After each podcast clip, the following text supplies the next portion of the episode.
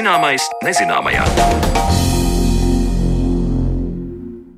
Esiet sveicināti, skanēt sāk raidījumu zināmais nezināmajā, un ar jums kopā esmu es Sandra Kropa. Šodien mēs raidījumā pievēršamies medicīnas vēsturei un konkrētāk tam, kā vēsturē esam centušies dažkārt veiksmīgi, dažkārt neveiksmīgi tikt galā ar sāpēm. Fiziskas sāpes un diskomforts, diemžēl, ir cilvēces pavadonis ik uz soļa visos laikos, un mūsdienās varam baudīt anestēzijas un farmācijas sniegto atvieglojumu. Taču kā cilvēki tika galā ar sāpēm, kad pretsāpju tablešu nebija, Par to tad šodien runāsim raidījuma otrajā daļā. Pirms tam pievērsīsimies vēl citiem interesantiem vēstures pētījumiem. Turpinot uzskaitīt pagājušā gada arheoloģiskos atklājumus un pētījumus gan Latvijā, gan pasaulē, uzzināsim par labi saglabātu kuģa vraku Antarktīdas ūdeņos un kolhoza kartupeļu bedrēm meklēto lībiešu senkapu vietā. Par šiem un citiem arheologu darbiem 2022. gadā mana kolēģe Zane Lāce Baltalksne izjautās arheologu Mārci Kalniņu. Ja pastāvīgie klausītāji atminas, tad pirms nedēļas izskanēja sižets par pērnā gada arheoloģiskajiem atklājumiem pasaulē. Un tā kā to bija gana daudz, tad turpinot šo apskatu kopā ar arheologu un vēsturnieku, Latvijas arheologu biedrības pārstāvi un Latvijas universitātes pētnieku Mārci Kalniņu. Uzzināsim, kā tika atrasts Eģiptes karalienes vārds, kas priecēja senās Azteku pilsētas arheologus, kur senie etruski ūdens dzietniecību baudījuši, bet Latvijā pētnieki uzgājuši senus nocietinājumus Jēlgavā, Zilā kalna svētvietā atrasti kapi un Cēsu senpilsēta sniedz jaunus atklājumus. Sākam ar pasauli. 2022. gadā tika atklāts vārds Eģiptes karalienei, kas ir dzīvojusi pirms vairāk kā 4000 gadu. Viņas vārds bija izgrebts uz sienas templī un uzrakstīts arī uz krituša obeliska netālu no apbedījuma tāds interesants atklājums, kas tika paziņots, atklājums jau gan ir izdarīts jau 2010. gadā. Ir atklāts jaunas, līdz šim nezināmas eģiptiešu karalienes vārds.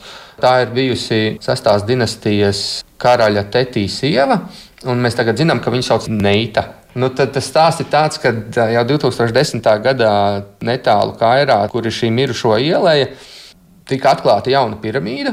Pie faraona piramīdas atklāts liels kapenis. Un pašā kapenēs tika atrasts šis sarkofāgs, bet nav bijuši nekādu tādu mājiņu par to, kā šo cilvēku sauc, kas ir abadīts. Bet nu, skaidrs, ka viņš ir abadīts tuvu faraonam, tad ir jābūt karaliskās ģimenes loceklim.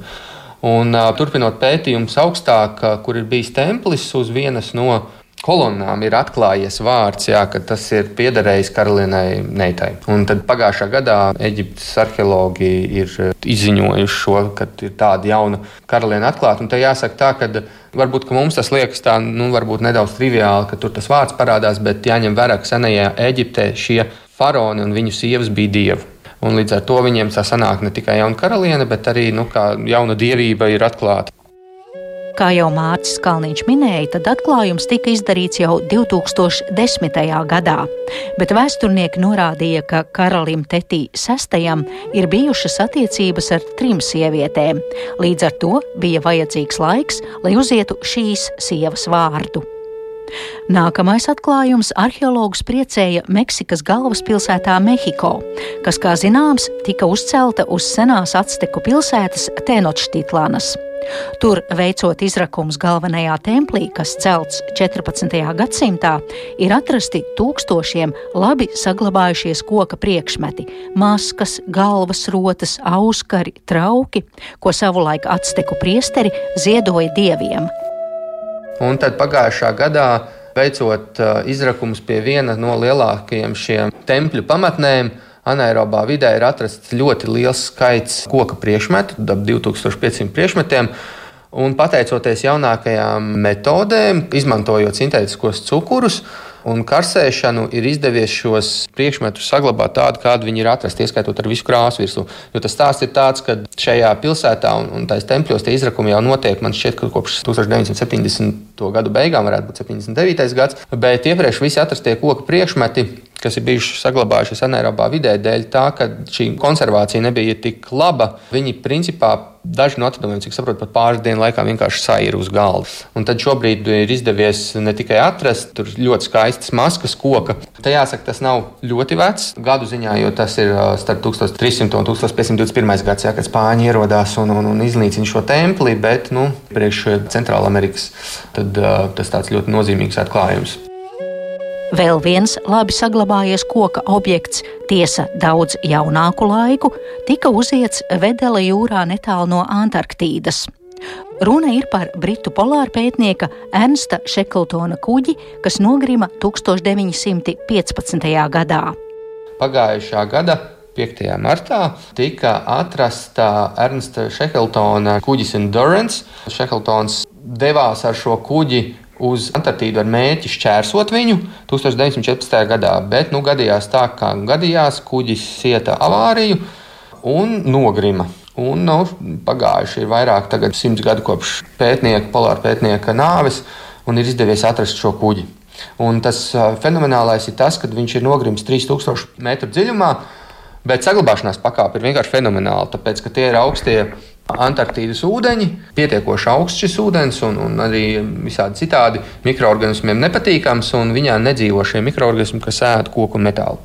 Un, respektīvi, tas kuģis ir saglabājies, nu, burtiski viņš ir nogrimis tā, kā viņš ir nogrimis, kā mēs iedomājamies, nevis kuģis, kas tur nezinu, pārlūst un apgāžās, bet viņš ir nogrimis taisni, viņš tā tur arī stāv.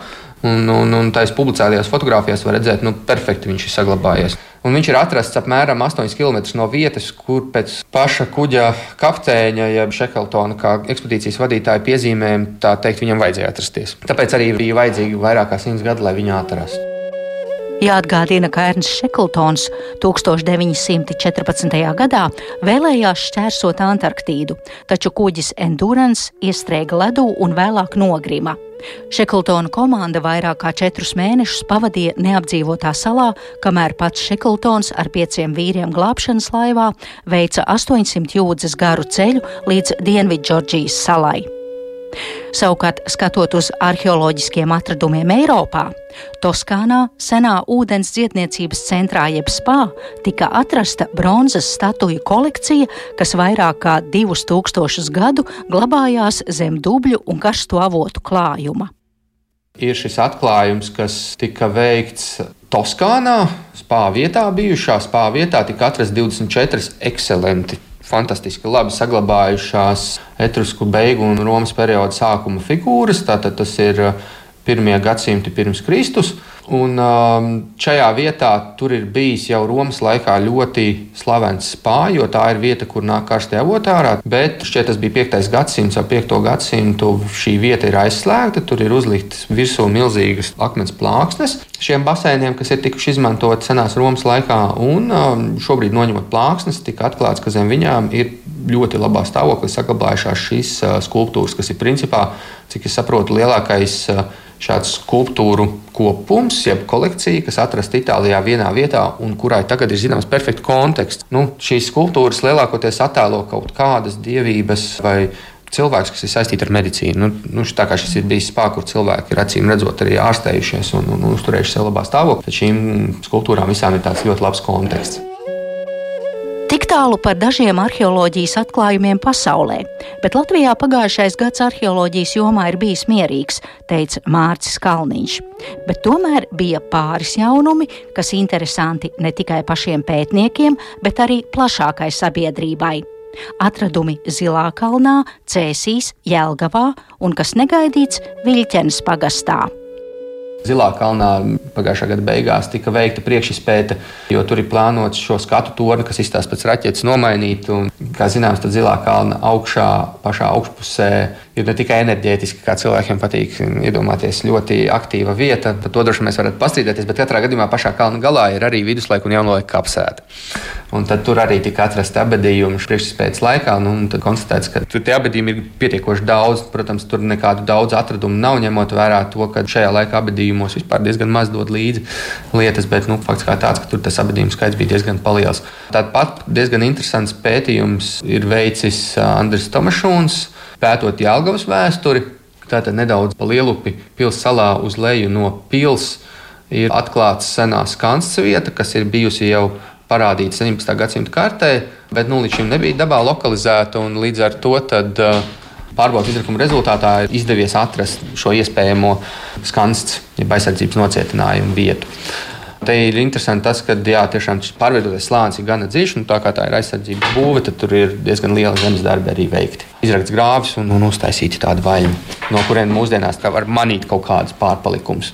Tad, ja mēs runājam par pagājušā gada arheoloģijas gadu pieminiektu, kas bija Cēzus Sanpilsēta, tad arī tika turpināti izrakumi, kas patiesībā jau 21. gadā bija uzsākti Pilsielā 1. 21. gadā tika atklāts, ka šajā vietā ir senākās līdz šim Cēzu pilsētā zināmās senlietas, keramikas lauskas, kas ir attiecināmas uz dzelzceļa laikmetu.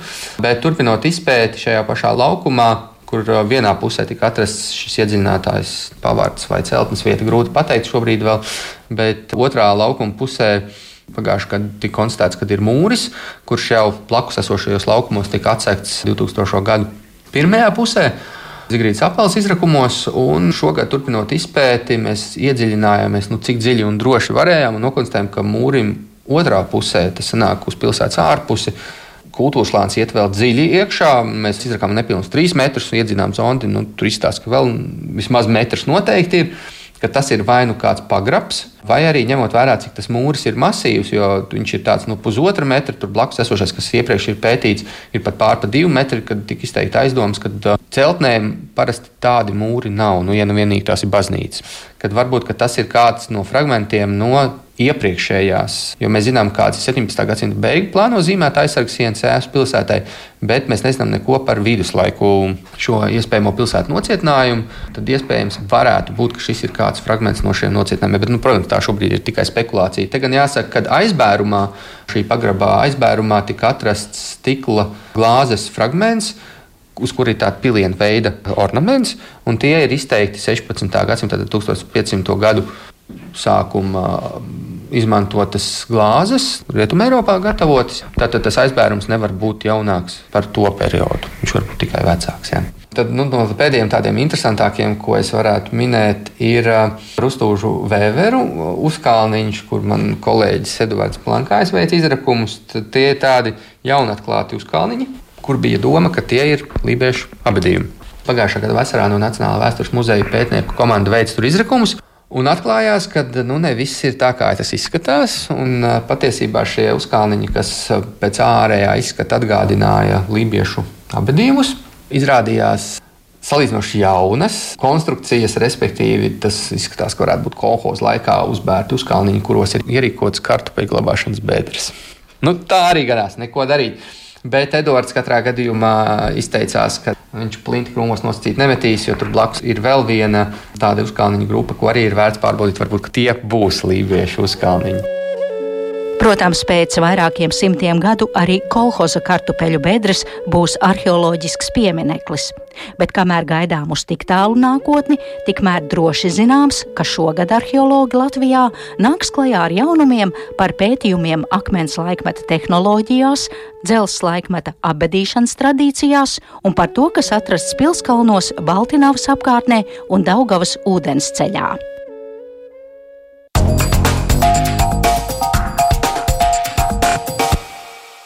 Paldies Zanē Lācē Baltalksnē par sagatavoto atskatu uz aizvadītā gada arheoloģiskiem atklājumiem, bet par sāpju ārstēšanu senatnē un tuvā vēsturē saruna pēc brīža.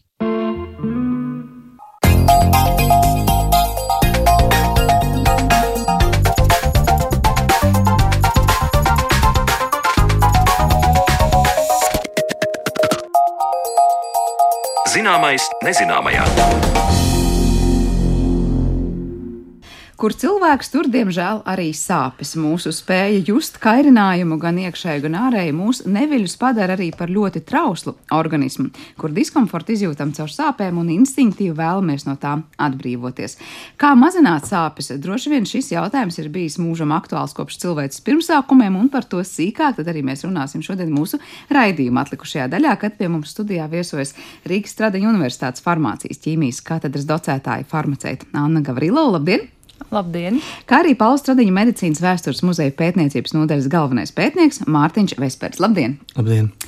Nu, laikam sāpes ir tāds mūžsens jautājums. Vismaz tā gribētos domāt, ka cilvēki ir eh, izjutuši tās visos laikos un gan jau, ka mēģinājuši un vēlējušies tikt no tām vaļā vai tās kaut kādā veidā mazināt. Bet kā jums šķiet, vai, šķiet, vai medicīnas vēsturē tas ir tāds nu, pēdējā salīdzinoši laika aktuālais jautājums, cik ļoti intensīvi domā par to, kā mazināt sāpes?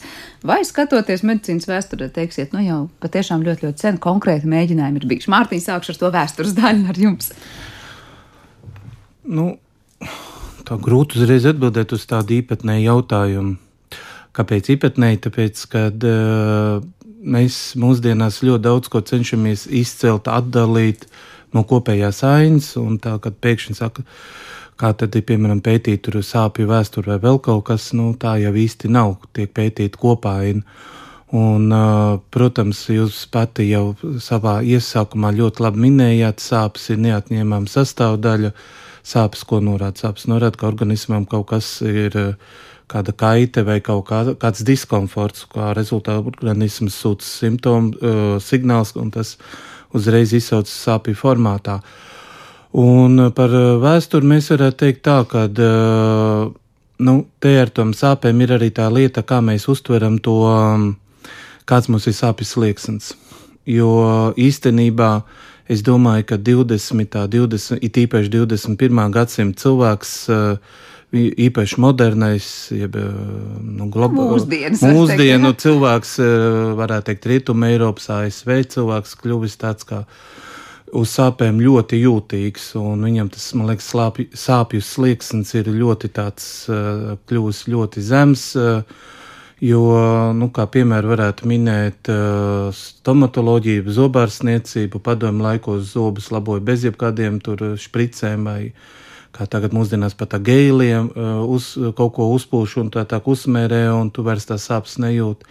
To lai gāja pie zobārsta un tev to zobus laboja. Un atcerēsimies, ka vēl 70. gados dažu, dažās vietās laukos zobus vēl laboja ar vecajiem uh, urbiem, kas darbojas ar pedāli, bez elektrības kur uh, vispār griež ļoti lēni tas urbis un tā tālāk. Un, uh, nu, mūsdienās liktos tāda kārtīga spīdzināšanas uh, metode. Faktiski, jā. man liekas, ka ja šodien kādam to liktu, viņš man liekas varētu vērsties pat tiesā. jā, jūs nevēl teicāt, ir gēli mūsdienās, ko pat īstenībā atsāpina pirms anestēzijas, pat mm. ieduršanas ļoti bieži, jā, un tas arī laikam, nu, pat ne citu gadsimtu, es domāju, vairāk kā simts gadu vēsturē cilvēkam liktos dīvaini pat tiešām pirms vairākām desmit gadiem. Un tā dīvaini. rezultātā ir tāda lieta, ka ka, piemēram, ja mēs skatāmies tā saucamo tradicionālo medicīnu, vēl 20. gadsimtā, kas bija daudzās noslēgtās kopienās, kur pielietoja, tur bija ļoti, kur ir tīpaši šis šamanisms, jeb tautas dzietnieki, pielietoja savas metodas bieži vien, viņi jau saviem šiem slimniekiem nekādas precāpju līdzekļus nedēļu. Mums varbūt tur liekas kaut kādas, nezinu, apreibunošas sēnītes, varbūt tur opiātus vai vēl kaut ko. Bet, kad skatās šos dokumentālās filmas, kur ir nofilmētas 50. un 70. gadi, Jaungvinēja vai Āfrikas atsevišķas kopienas, Brazīlijas kopienas, tur faktiski cilvēks tiek nosēdināts uz beņķīti vai bluķīti vai kaut kādā citā veidā, un viņam tiek veikta šī manipulācija, un viņš šīs sāpes Un kā varētu teikt, vai viņš nejūt, vai viņš spēja viņus pārvarēt, jo viņa galvenā funkcija gan pašam slimniekam, gan šamanim ir izārstēt, izārstēt un izārstēties. Bet nav tā, ka tajā laikā varbūt to cilvēku noveda kaut kādā, es nezinu, vai protams, teikt, transa stāvoklī, kur tas tā kā. Protams, protams, ne jau velti šiem te šamaņiem. Un daudz dziedniekiem ir savu rituā, rituāla forma, kurā dziedot, dejojot, skaitot īpašus vārdus. Uh, viņi cilvēku faktiski ieveda šādā te, um, kā saka, nu, ne, pustrāncā, tādā īpatnējā stāvoklī, kad viņš var nejust šo momentu. Bet te, es domāju, arī darbojas Uh, tas apstākļus, kad mēs, piemēram, nonākam kaut kādās ekstrēmās situācijās, slēpojot, laužam kāju, mēs pat varbūt sākumā mēs to kāju nepamanām, ka viņi ir lausta. Jā, tad daudzreiz saka arī avārijās. Kad avārijās, jā, jā, kad, tas, kad tas ir atkal organismu šī te dabīgā aizsardzība, jo, jo ja organisms ļaus šim te sāpēm izpausties tajā brīdī, tad cilvēks aizies bojā. Jā, es domāju, ka mēs droši vien interesēti vēl cauri varēsim iet katram gadsimtam, jo jums ir līdz arī dažādas, skatos, uzskats materiāli un grāmatas par interesantiem piemēriem droši vien arī minēsiet, bet es gribu Annai arī dot vārdu, vai farmācijas vēsturē ir kaut kāds tāds nu, sākuma punkts, kurā jūs kā farmaceiti varbūt pateiksiet. Lūk, no tā, no tā brīža mēs varam uzskatīt, ka pret tām sāpēm tomēr nu, vērsās kaut kā nopietnāk vai izteiktāk. Vai jā. arī jūs teiksiet, ka grūti atrast tādu punktu? Jā, vispirms teiktu, ka tas ir diezgan grūti, jo jāsaprot, ka sāpes ir dažādas. Un, uh, ka kolēģi sākuma minēja, ka varētu, varēja veikt kādas manipulācijas vai operācijas. Tas ir viens uh, veids, kāda sāpes mums būtu jāmazina. Ja ne tikai stomatoloģija, bet arī ķirurģija. Un uh, dažreiz šīs metodas. Uh, nebija tik uh, lojālas, ka šodien ja, izmantoja pa citienu principu, ja, lai uh, operētu vienu roku, tad stipri iesit par otru, ja, lai kompensētu sāpes, vai pat iesit pa galvu, lai izraisītu bezsamaņu. Ja. Mēs saprotam, ka šī metode šodien netiek izmantot. Un otra problēma, ja mēs runājam par farmāciju, tad ir arī tāda sāpes, no kurām cilvēks cieši tā kā ikdiena. Ja, un uh, vienmēr bija meklējumi, ko mēs varam darīt lietas labā, lai cilvēks ikdienu varētu baudīt baudīt, nevis ciest no šīm sāpēm. Un šodien pretsāpju terapija ir ļoti aktuāla tādēļ, ka mēs arvien vairāk un vairāk runājam par dzīves kvalitāti. Un precēpju līdzekļu vēsture farmās ir tāda, ka jaunie precēpju pārstāvi nāk ar jaunām īpašībām, lai padarītu terapiju ar pēc iespējas mazāku blakus parādību skaitu, lai zāles būtu pēc iespējas retāk jālieto, un šo plašu medikamentu klāstu ļauj ārstam, farmaceitam piemeklēt katram viņam atbilstošu terapiju. Ja? Mums vienmēr jāsaprot, kur ir tā problēma, kuru nepieciešams atrisināt. Bet labi, ja mēs runājam par tādu nu, ļoti ierastu lietu, kuras, domāju, nu, daudzi cilvēki ir lietojuši pretsāpju līdzekli, piemēram, galvas sāpes, ja? vai nav tā, ka citos laikos eh, kaut kādas, es nezinu, vai tās bija jau tabletes vai kādas citas eh, tinktūras vai kāda cita augu uzlējumi tika lietota, lai, piemēram, mazinātu tās galvas sāpes, un mēs ar tādu mūsdienu skatu punktu varbūt teiktu, ojoj, tur bija ļoti nopietnas blaknes vai iespējamas blakus parādības un daudz kas cits. Ja mēs runājam par pašu, pašu precēju līdzi sākumu, kad izmanto opiju, kuru devu nebija iespējams kontrolēt, pat marihuānu dažreiz lieto, nu, meklē kaut kādas alternatīvas koka lapas, lieto, kas satur uh, kokaīnu, jā, kas palīdz šīs sāpes mazināt. Bet, ja mēs runājam par medikamentiem, tad uh, viens no pirmiem bija aspirīns, kas tiek lietots arī joprojām un tiek uh, iegūts no uh, vitola mīzes, kas ir salicis korteks. Un, uh, 19. gadsimta sākuma izdevās vispirms viņu iegūt no paša auga, nu, identificēja salicilskābi, 1853. gada izdevās to pirmo reizi ķīmiski uzsintēzēt. Jā, mēs varējām iegūt atsevišķu aktīvo vielu, un uh, turpināt pētījumiem parādīs acetilsalicilskābu, ko mēs šobrīd plašāk pazīstam kā aspirīnu, un šis medikaments tiek lietots arī joprojām. Uh, vēsturiski bija problēma, ka šī salicilskābe, nātrija sals, kas tika lietots, pie nepareizam devām, krietni lielākam devām, provocēja izteiktas kuņģa sāpes, ja, ka tā ir viena no blakus parādībām, un šī problēma veicināja to, ka ļoti populārs palika paracetamols, ja, kuru mēs šobrīd arī bieži vien redzam reklāmās. Paracetamols tiek dots arī bērniem, ja, kā joprojām šie, šis aktīvas vielas medikamenti aktuāli, lai palīdzētu gan pret galvas sāpēm, spēj mazināt drudzi. Uh, aspirins no paracetamola atšķiras ar to, ka aspirins spēj mazināt iekaisumu, paracetamols nevar, ja, kas arī būtu jāņem vērā, ja mēs runājam tieši par sāpēm. Bet par tiem pieminētiem opiātiem vēsturē skatoties, var teikt, ka ir kaut kāds posms, kurā nu, tas bija izteikti varbūt pieņemamāks vai pieejamāks plašāk. Nu, redziet, pirmkārt, te ir, es piekrītu Annai teiktajam visam, un te ir vienīgā lieta, kas jāatcerās, ka, ja mēs ņemam vēsturiski, mums ir jāskatās katrs reģions atsevišķi.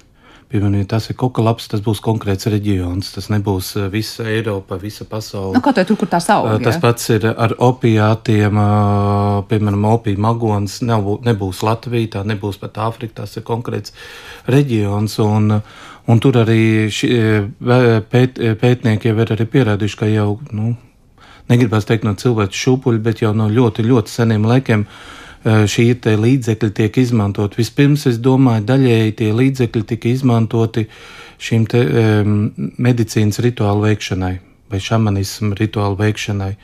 Uh, otra lieta, protams, ka cilvēks jau no ļoti seniem laikiem ir spējis, uh, um, nu, kā saka, intuitīvu, neintuitīvu, bet faktiski uh, iemācīties atpazīt augus un viņus pielietot. Un tas pats pieminētais aspirīns un vītolu mīze īstenībā šodien jau liela daļa no uh, medikamentiem savā ziņā satur šos dabīgos augus. Mēs uh, mūsdienās lietojam tādu vārdu kā tradicionālā medicīna vai tautas medicīna, varbūt pat tādu zemojošāku piegaršu, bet īstenībā jau visas sākums ir šeit pie, pieejamās vides daudzumā, un, un katrā reģionā ir savi līdzekļi, ko izmanto dažādu kaišu, vainu, slimību, līgu un kā tik vēl ne ārstēšanā un dziedināšanā. Nu, piemēram, ir tādi uzskati, ka opijas pirmo reizi vissenāk jau rakstītie avoti, tas ir Ķīnas, Ķīnas eh, avoti, kas, eh, kuri norāda par to, ka tur jau ir lietots opijas eh, medicīniskām vajadzībām un citām nepieciešamām lietām. Un, Jāsaka, tā, ja mēs arī šodien skatītos, tad, piemēram, Ķīnas medicīna savā ziņā ir ļoti spēcīga, joprojām šī tautas medicīna, jeb tradicionālā medicīna, uh, kas eh, jop, eh, joprojām tiek ļoti, eh, nu, faktiski tur gan tiek stimulēta, gan viņa ir ļoti spēcīgi pastāv, kas atkal savā ziņā var būt bīstama mūsdienu, nu, kā saka, videi, jo viņa var apdraudēt daudz augu pastāvēšanu. Bet tas, ko jūs teicāt, pirms mēs pievēršamies, mm -hmm. kas Latvijā bija aktuāls jā, jā. dažādos laikos, piemēram, opiju vagonis tur konkrētos reģionos vai koklaps mm -hmm. konkrētos reģionos, nebija tā, ka kādā laikā, nu, tad, piemēram, izaudzēts kādā reģionā tur opiju vagonis, pārtop par tādu ļoti būtisku un svarīgu preci, ko tur vēl nu kā, nu, 19. Jā, jā, nu 19. gadsimts, kad Angļi, var teikt, ieiet Ķīnā, Indijā, Uh, viņi jau faktiski to opijas jau ienāk arī Eiropā, un tad jau parādās šie te speciāli tādi, kā varētu teikt, tādi opiju nami, kur, kur tad cilvēks smēķē šo opiju un faktiski līdz ar to kļūst ļoti atkarīgi un tā kā kļūst par lielu problēmu un tā tālāk. Uh, protams, jebkur reģionu, kur, kur ienāk, uh, kā saka, civilizācija vai, teiksim, tā, kad sākās šī tirdzniecība, šīs lietas jau ļoti veiksmīgi sāka, ja ir iespējams pārvest, viņas jau sāka kļūt kā tirdzniecības precē. Nu jā, iedomājieties ja laiku, kad cilvēki tiešām cīnījās ar sāpēm, nu tādām metodām, kā jūs te jau minējāt sarunas mm. sākumā, laikam, nu iespēja atvest kaut ko, kas varētu palīdzēt un mazināt sāpes, varēja būt ļoti, ļoti dārgs produkts, vai ne tajā laikā? Nu, piemērs varētu būt kaut vai tā pati melnā šokolāde. Pret sāpēm? Jā, nu, sākumā viņa, protams, nebija šokolāde, bija rūkta, vispirms jāatcerās. Un 19. gadsimtā viņa, kad viņu spēja jau pataisīt, teiksim, saldenu, viņa Eiropā kļūst kā tāds uh, līdzeklis pret visu, pret galvas sāpēm, pret sliktu dušu, pret histērijām, pret nogurumu. Un uh, melnā šokolādē jau zinām, kad ir dažādas vielas. Man liekas, Anna varētu pat vairāk pastāstīt. Uh, Ne jau vēl daudz pētījumu ir, kur iesaka šo šokolādi nelielā daudzumā lietot, ka viņai tomēr ir savs šīs ļoti daudz pozitīvās īpašības. Līdzīgi ir ar kafiju, kad kafija ienāk Eiropā, tā, tā ir Osmaņu impērija, Turcija tagadējā. Tas pats ir arī ar to pašu Coca-Cola. Coca-Cola jau bija kad, saka, viņu atklāja, izgudroja šis te farmaceits. Iz, Jā, viņš jau arī sākumā gan kā mutes skalojamais līdzeklis, gan kā kakla skalojamais līdzeklis, gan beigās jau pret galvas sāpēm un tā tālāk. Tā kā ļoti daudz lietas jau vēlāk, kad attīstās šis te arī, nu kā varētu teikt, biznesa, jeb mārketings, kā mēs šodien teiktu, ļoti daudz lietas jau uzreiz ar reklāmas palīdzību tika stimulēts, veicināts, un tas faktiski veidoja šīs te impērijas mūsdienu da daļai. Kas ir atpazīstams, bet Annai, tad Jā. jautājums, kas ir tas, kas ir tās kafijas vai e, šokolādes, melnā šokolādes un kolas vienojušies, tas būtu tas kofeīns, kas tika uzskatīts kā tas, kas panāks to labo efektu pret sāpēm, piemēram. Tumšu šokolādi šobrīd rekomenda lietot uzturēt tādēļ, ka tas satur magniju. Jā, un dažreiz magnija trūkums rada šo sasprindzinājumu, kādēļ varbūt tāds muskuļu vājums, galvas sāpes. Tas ir tas iemesls, kāpēc šo produktu neliela daudzuma būtu jā, jāiekļauj uzturā. Ja mēs runājam par kafiju, zaļu tēju, jā, tur ir kofīns. Un uh, tam ir labvēlīga ietekme uz organismu, ja mēs uh, lietojam to normā, jā, ka mēs neizdarām piecas krūzītes un tad sūdzamies par bezmiegu, un attiecīgi bezmiegs atkal provocē sāpes, un tad veidojas aburtais lokus, kā viena lieta aizcer otru. Viena kafijas krūze, kas satur kofīnu, viņa liek mums pamosties, ja stimulē mūsu simpātisko nervu sistēmu, ka mēs paliekam aktīvi, enerģiski, mēs gatavi darbām, jā, un uh, ikdiena tas ļoti noder. Bet kur tās pretsāpju aspekts? Pretsāpju efekts, tad uh, kofīnu šobrīd bieži vien pievieno pretsāpju līdzekļiem, lai pastiprinātu šo pretsāpju efektu, jā. Uh, Iespējams, reklāmas vai mājas plauktiņas skatos medikamentus, varētu redzēt, kā ir, piemēram, paracetamols, kofīns un kodīns. Ja? Un tad, ja tur sākt pētīt, tad kofīna ir ļoti, ļoti maz. Un, attiecīgi, ir jautājums, kāpēc tas kā, tur ir? Ja? jā, kāpēc to tur pievienoja? Tad pats kofīns tikai pastiprina šo precāpju darbību, kādēļ šī kombinācija pie vienāda paracetamolu devas būs efektīvāka nekā bez. Bet uh, tas viss ir ļoti individuāli, protams. Jā, bet katrā ziņā, nu, lūk, agrākos laikos nevelti līdz tam bija kaut kā nonākuši un to sajūtu ir sapratuši, atklājuši, ja, ka tam kofīnam. Vēstures kā... problēma bija tāda, ka kofīna devas iespējams lietoja ļoti lielas. Jā, un te, jā, cilvēks nedaudz tā kā pazūd notiekošā un parādās negatīvas sekas no šī kofīna lietošanas. Ja šodien mēs runājam par optimālo devu, kas der lai panāktu vislabāko efektu, tad vēsturiski, diemžēl, mēs nevaram neko kontrolēt. Pārdozēšana. Tā pat nav vēsturiski, tā īstenībā ir tā cilvēku varbūt tāda īpatnība, kā. Nu, mēs atklājam kādu līdzekli. Mums tas līdzeklis palīdz. Mēs iesakām līdzekli kaimiņam. Kaimiņš lieto, viņam palīdz, viņš sāk vairāk to lietot.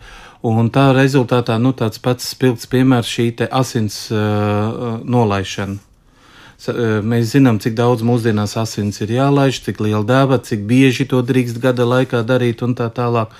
Nu, senatnē tas, kā saka, tas, ka redzēja, ka it kā palīdz, tas beigās jau pārvērtās par to, ka slimniekam varēja pat nedēļā trīs, četras vai pat septiņas reizes nolaist tās asins. Nu, rezultāts, protams, būs nu, saka, tāds, kāds būs. Un līdzīgi arī ar šiem dažādiem līdzekļiem cilvēki jūt efektu, iesaka, bet eh, tā kā toreiz tās dozēšanas sistēmas vai izpratnes, kā tas viss darbojas, nebija, tad, eh, protams, kad eh, ar laiku tas kļuva par, nu, kā saka, kā pareizi Anna saka, nu, devu skaits pieauga, apjoms pieauga un efektivitāte no tās sabruka, bet tas priekšstats, ka tas palīdz, palika un to tik ieteica, ieteica, ieteica. Un, ja mēs vispār runājam par to, kad sākam dozēt šos līdzekļus, tas īstenībā ir laiks, kad sāk parādīties ķīmiskā farmācija. Tikai. Un salīdzinoši nesen, vai ne? Div...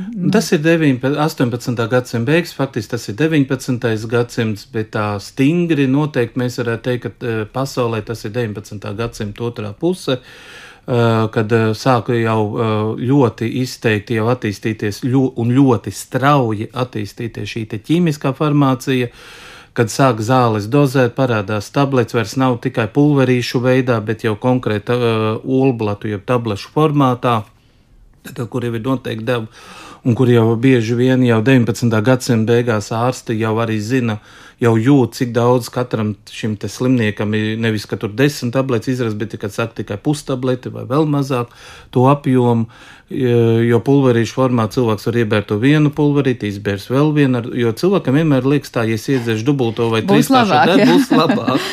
Kā mēs sapratām, nē. Kas, protams, tā īsti laikam nav. Un, ja mēs runājam par Latviju, tad jāsaka tā, ka Latvija, nu, tolaik Latvija nebija 19. gadsimtā, bet bija vienalga ļoti progresīva. Nu, piemēram, šogad uh, savus 200 20 gadus atzīmētu Rīgas ķīmiķu un farmaceitu biedrību. Nu, var teikt, farma, Latvijas farmaceitu biedrības priekštecē eh, kas dibināta 1803. gada 2. februārī. Nu, katrā ziņā tajā laikā, var teikt, bija vienā elpā ar visu Eiropu. Uh, jā, jo bal, te ir tā īpatnība, ka m, tā laika vācu baltieši, kas šeit dzīvoja, vai cilvēki, kas šeit dzīvoja, viņi bija uh, nu, kā varētu teikt, ļoti ciešā kontaktā ar notikumiem, kas notiek austrumos, teiksim, varbūt Krievijā, un kas notiek arī Eiropā. Un tā rezultātā ļoti daudzi atklājumi nonāk šeit. Šī te pašas biedrības dibināšana, viņi izdod savu žurnālu, viņi pārpublicē rakstus, kas ir publicēti Rietumē Eiropā un tā tālāk. Tas veicina šo te visu ļoti strauju attīstību arī šeit. Tas bija tā kā, var teikt, zināšanu uzkrāšanas vieta, bet vai tas noveda, piemēram, pie konkrētu produktu ražošanas šeit uz vietas? Ar laiku, vai, jā, jā mhm. protams, jo kā no šajās biedrībās bija iestājās vairāk vai mazāk visi farmaceiti, nu, aptiek īpašnieki, farmaceiti. Tur iestājas tie, kas grib kļūt par farmaceitiem, kas mācās pie aptiekāriem. Plus vēl bieži vien šajās biedrībās bija nu, Tērbats, Tartu universitātes mācības spēks, tas pats Keronīms Grindels uh, un, un tā tālāk. Un rezultātā dotās zināšanas šie skolnieki vai cilvēki, viņi atkal tālāk attīst. Un tādā veidā arī faktiski tas veicina to visu. Nu, plus vēl arī tas, kad uh, ļoti bieži vien šie cilvēki arī medicīnā stāvēja pie dažādu likumdošanas izstrādāšanas un veicināšanas, jo faktiski ar 19. gadsimta otro pusi ļoti liela ietekme jau nosaka arī likumdošana. Uh, par to, ka, piemēram, jāveido lauku aptieku tīkls 19. gadsimta 80. gados parādās, par to, ka uh, vairs nevar būt uh, monopola tiesības konkrētam aptiekam uz visu, nu, kas ap pilsētu, kā kādreiz viduslaikos bija noteikts divas aptiekas vai trīs aptiekas, bet tagad jebkurš gandrīz var dibināt aptiekas un tā tālāk. Un tas viss, to, un, protams, arī dažādi citi likumi veicina to visu kopā. Nu, vismaz tas liek domāt, ka tā aptieka tuvāk kļuva tautai un pieejamāk, bet eh, es tagad iedomājos, mm -hmm. cik bagātīgi bija tā 19. gadsimta aptieku plaukt. Ja mēs tagad iedomājamies ar to, ko tik mēs nevaram atrast aptieku plauktos, vai toreiz tur bija tā, nu tad 3, 5, es nezinu, ne vairāk līdzekļu, per, kas dar visam, vai tomēr tur jau bija gana tāda šaura specializācija? Bija nevis bagāti plaukti, bija krietni interesanti izvēle, manuprāt, jo kādreiz nebija pieejams rūpnieciski ražota zāles, kā atnāk recepti vai konkrēti pajautā, ko vēlās, un tad mēs uzreiz varam izsniegt. Uh, kadreiz aptieka bija tāda maza ražotne, ja, kur pēc ārsta norādēm gatavo zāles uz vietas konkrētam pacientam. Daudz kas bija atkarīgs no vielām, kuras iespējams mhm. piegādāt. Ja piemēram, kāda perioda uh, viena zāļu klase bija pieejams un varēja izmantot, pieņem, tad bija kaut kāda piegādes traucējuma, tad vajadzēja pielāgoties izmaiņam, kaut kādam vadlīniem, jālasa literatūru. Un patiesībā daudz kas bija atkarīgs no aptiekas un farmaceitiem, kas varēja pagatavot uz vietas zāles. Un par atbilstošam devām liela nozīme bija arī farmaceitam, ka viņš vienmēr skaties uz, uz pacienta vecumu, svaru, jā, cik bieži viņš nāk pakaļ zālēm. Tas ir tāds savā veidā uzraugs, kas neļāva ļaunprātīgi lietot šos pretsāpju līdzekļus. Protams, farmaceitiskā aprūpe strādā arī šodien. Mēs cenšamies novērot, ka nepieļaut dubultdeves, mazināt blakus parādības, bet kad visi zāles bija izsniegts tikai pret recepti, to varēja izdarīt vieglāk. Mm. Bet uh, es domāju, ka šodienas cilvēkam ir pieejams krietni vairāk literatūras, ka tā, tie nav vairs tikai zinātniskie uh, žurnāli, ja, kur apkopot specifiska literatūra, tiek izmantot svērš terminoloģija, ka šodienas cilvēkam veselība pratība ir krietni, krietni augstāka, kādēļ viņš arī pats var pieņemt lēmumu par savu veselību, un viņš pats var saprast, kā, kad sāp tā, ka jāiet pie ārsta, vai kad sāp, kā es varu izrunāt šo problēmu ar farmaceitu, lai man varētu palīdzēt. Vai sāp tā, ka patiesībā var vēl nedzert tās tā preces. Nu, es īsti bišķi negribētu piekrist uh, tajā aspektā, kad īstenībā šodienas pieejamā literatūra īstenībā ir pat bīstama. Nu, tajā ziņā, ka ļoti daudz. Uh, ļoti, okay, jā, šajā kontekstā es piekrītu, ka ja mēs skatāmies kādu populāru populāru vietņu informāciju, mm. mums vienmēr jāpārbauda avots. Jā. Un, kā, un jau veltīgi visi saka, gan ārsti, gan farmaceiti pa priekšu griežaties pie savas ģimenes ārsta, pie speciālista un tad tikai izdomājiet, kad iet aptiekā un pirkt to līdzekli un tā tālāk. Jo tas, ka tas līdzeklis tiek reklamēts, ka viņš var noderēt, jau nenozīmē, ka tam cilvēkam noderēs. Viņam un, tieši var būt pretējs efekts. Jā, Bet es, Mārtiņ, jums gribēju vaicāt jau pašā sarunas sākumā, kad jūs minējāt par šīm, piemēram, konkrētiem reģioniem, mm. kur ko audzēja, nu, jūs teicāt, opija magonis tur un kokas mm. lapas citur. Kas bija Latvijā? Tas, es nezinu, augs vai es nezinu, kas, kas bija vietējais, nu, tāds varonis eh, cīņā pret sāpēm cilvēkiem dažādos laikos? Nu, īstenībā es laikam teiktu tā, ka tie ir uh, lapu koki. Uh, mums interesants ir tāds izdevums Latvijā. 18. gadsimtā sāk iznākt tāds laikraksts Latviešu ārsta, kas tiek uzskatīts par pirmo laikrakstu latviešu valodā. Uh, un viņa latviski aprakstīts dažādas ārstēšanas metodas. Tas ir savā ziņā veid, mērķis arī, kā saka, palīdzēt vietējiem um, iedzīvotājiem. kā saka, ārstēties. Protams, tur jau tiek aprakstīts, ka tur pie pesteļu tantiņām nevajag iet, ka tās ir kaitīgas. Nu, tad, tad ir jau kaut kādi, faktiski tā 19, 18. gadsimta vidus, otrā pusē jau sāk parādīties šī te tendence, kad ir jāņem vērā speciālisti ieteikumi. Nu, piemēram, te kolēģi pieminēja vītolu mīzu par aspirīnu, bet uh, Protams, ir arī citi līdzekļi, nu, piemēram, ošu mīza, piemēram, nu, tāds apraksts. Pie čūskas e, dzeļuma lūk, ka drīz var ošu mīzu dabūt, ne to ārīgu, bet to iekšķīgu, pie paša koka klātēju. Ar šo aptinto vainu sāpes un tūkums mitēsies mitamā. Tas nozīmē diezgan ātri, droši vien, un efektīvi. Ka tūlīt un efektīgi samazināsies. Bet tur tātad bija doma tieši konkrētajā vietā pielikt klāt šo mizu, iekšējo mizu. Ja, jā, jā, jā, jā. Eh, bet bija kaut kādas, es nezinu, pulveri, tinktūras, kaut kas cits, ko mēģināja lietot. Jā, jā, es papildinātu, tad uh, gatavo lielākos novārījumus.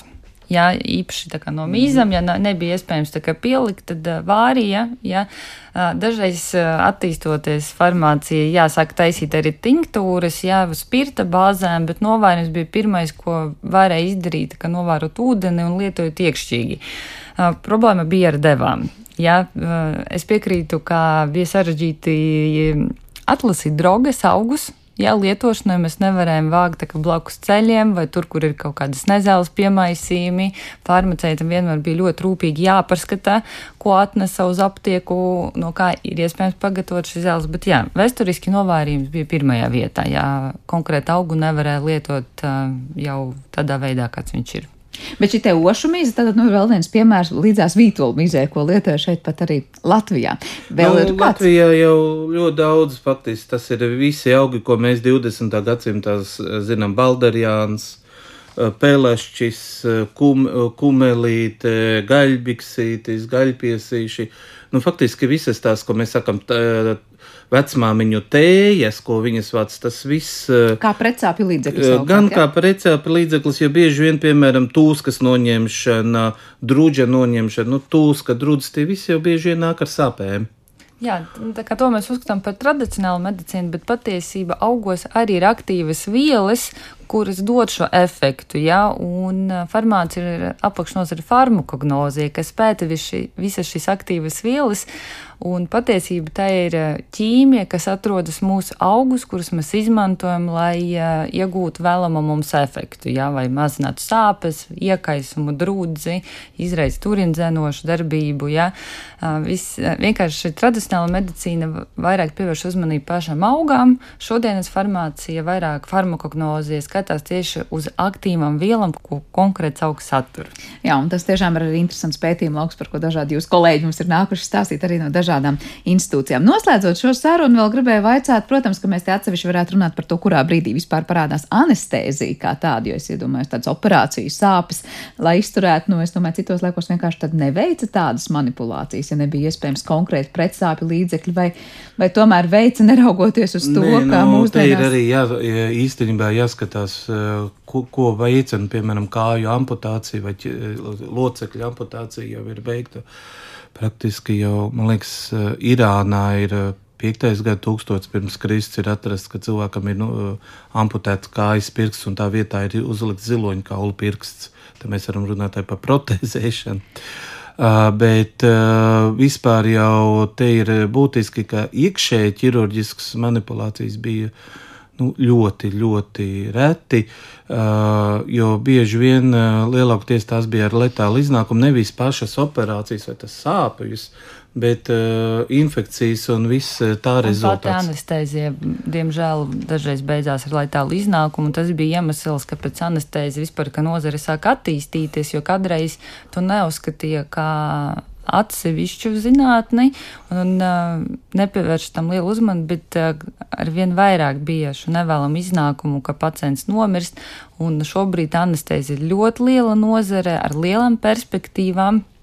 Jo operācijas, manipulācijas eh, veids ikdiena, un mums ļoti svarīgi parūpēties par pacienta veselību, lai viņam vispirms nesāpētu, jo runājot par kāju roku amputāciju, kaut ko veicot, pacients var pamosties vienkārši aizskriet no operāciju zāles, nu, un attiecīgi, nebūs, bet... nu, vēsturiski bija gadījumi, ka tiešām cilvēks nevar sevi noturēt, viņš tā cieši no tām sāpēm, un ārsts vienkārši nevar pabeigt veikto procedūru, jo slimniekam sāp. Tā kā ko darīt? Mēs varam konkrētu gadu minēt, kad tiek izmantota pirmā narkoze. Tas ir 19. gadsimta, man liekas, 40. gadi. Un tas ir eh, laiks, kad faktiski tas ir tāds revolucionārs pagrieziena punkts uh, medicīnā vispār, kad eh, cilvēks tiek iemidzināts, cilvēks tajā brīdī nejūt šīs sāpes un var jau veikt pietiekami ilgstošas šīs operācijas un tā tālāk. Par to, ka cilvēks pirms tam, protams, kā saka, šīs operācijas tika pielāgotas tam, saka, cik tik, cik cilvēks ilgi var veikt, izturēt šo sāpju slieksni, piemēram, tika uzskatīts, ka 19. gadsimta sākumā Napoleonam, nu, Bonapartam bija armijā bija izcils ķirurgs, kurš teica, ka viņš var veikt ķermeņa daļu amputāciju laikam divu minūšu laikā, kas skaitījās ļoti ātri, jo principā tolaik tika uzskatīts, ka eh, ķermeņa daļa jāamputē faktiski 5 līdz 7 minūšu laikā ilgāk, tad tas jau varētu būt ar lielām, nu, faktiski smagām sakām priekš šī slimnieka, bet eh, tepat, ja runājam par Latviju, Doma baznīca, kas blakus atrodas, tās kapsētā tika atrasts eh, abidījums, kur cilvēkam viduslaikos varu kļūdīties ar datējumu laikam 15. gadsimts, varbūt vēlāk, nemāk pateikt konkrēti. Tika at, uh, atrasts sabiedrības, kur cilvēkam veikts abu kāju amputācija, apakšējo daļu. Pie tam spriežot pēc, uh, kau, uh, pēc tiem kauliem, secināts, ka viņš abas šīs amputācijas ir pārdzīvojis un dzīvojis vēl kādu laiku. Tātad šīs amputācijas nu, notika pietiekami nu, efektīgi. Vienīgais tas, ka te bija tā lieta jāatcerās, ka pilsētās sakarā ar visām infekcijām un tā tālāk vienkārši tas izdzīvošo skaits uh, bija ļoti mazs. Bet tas jau bija tās infekciju vairāk. Tas jau, ir jau, jau sekas. Jā, jā. Bet, protams, jā, domājot par to, kādas bija tā laika anestezijas iespējas un kādas notika, mēs tiešām varam katrs teikt, mēs esam laimīgi, ka dzīvojam 21. gadsimtā ar tādām iespējām, kādas mums ir iespējas atsāpināt, vienalga vai runājam par zobu sāpēm vai jau nopietnākām ķirurģiskām manipulācijām. Paldies jums par šo sarunu abiem. Es teikšu, tad mums šodien raidījumā viesojas Rīgas Strada Universitātes farmācijas ķīmijas katras docētāja un farmacēta Anna Gavrilova kā arī Paula Stradiņa medicīnas vēstures muzeja pētniecības nodaļas galvenais pētnieks Mārtiņš Vespers. Radījumu producēja kā parasti Paula Gulbinska, par mūziku gādāja Girds Bišs, skaņu režijā bija Kristīna Dela un studējas Sandra Kropa un vēlot mums visiem mierīgu dienu no jums atvados līdz rītam.